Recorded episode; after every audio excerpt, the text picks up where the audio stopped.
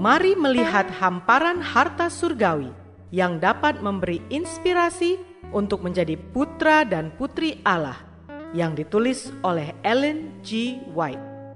Melalui renungan pagi ini, kita akan mempelajari nasihat yang menguatkan dan memberi semangat untuk memperbaiki karakter kita.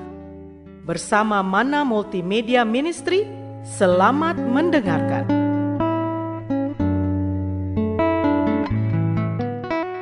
Shalom, selamat pagi saudaraku.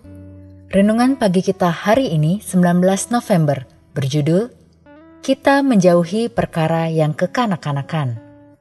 Bersama saya Naomi Panjaitan. Ayat intinya diambil dari 1 Korintus 13 ayat 11. Demikian firman Tuhan. Ketika aku kanak-kanak, aku berkata-kata seperti kanak-kanak.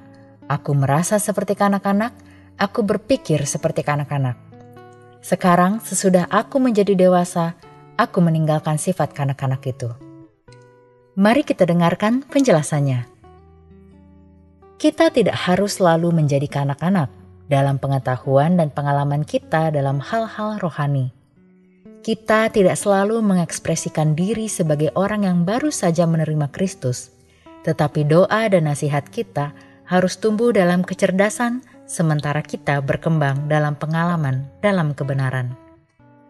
Bahasa seorang anak enam tahun dalam anak sepuluh tahun tidak akan menyenangkan bagi kita dan betapa menyakitkannya mendengar ekspresi kecerdasan seorang anak kecil dalam diri seorang yang telah tiba pada tahun-tahun kedewasaan.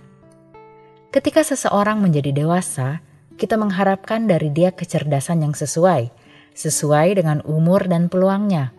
Tetapi, jika kita mengharapkan manifestasi dari pertumbuhan kecerdasan ini pada anak, sebagaimana ia berkembang selama bertahun-tahun, Tidakkah seharusnya kita juga berharap untuk melihat orang Kristen bertumbuh dalam kasih karunia dan pengalaman? Tuhan telah memberi kita banyak keuntungan dan peluang, dan ketika hari besar terakhir akan tiba, dan kita akan melihat apa yang mungkin telah kita capai, seandainya kita mengambil manfaat dari bantuan yang diberikan surga kepada kita, ketika kita melihat bagaimana kita dapat bertumbuh dalam kasih karunia, dan memandang hal-hal ini sebagaimana Allah memandangnya, melihat apa yang telah hilang dengan gagal tumbuh menjadi sosok pria dan wanita yang sempurna dalam Kristus, kita akan berharap bahwa seandainya kita lebih serius. Tuhan tidak menginginkan Anda untuk tetap menjadi pemula. Dia membutuhkan dalam pekerjaannya segala sesuatu yang dapat Anda capai di sini dalam kecerdasan mental dan pandangan yang jelas. Dia ingin Anda mencapai anak tangga tertinggi dan kemudian melangkah ke kerajaan Allah.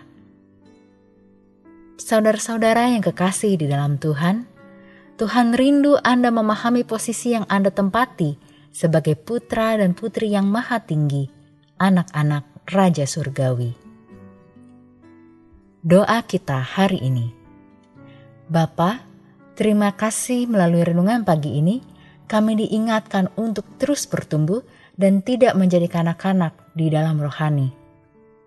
Tolong kami hari ini untuk menyambut setiap ajaran Tuhan agar kami boleh bertumbuh di dalam kasih karuniamu. Di dalam nama Yesus Kristus kami persembahkan doa ini. Amin.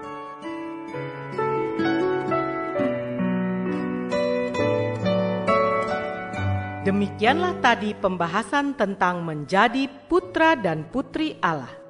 Semoga firman Tuhan hari ini menjadi berkat bagi Anda. Sampai jumpa, Tuhan memberkati.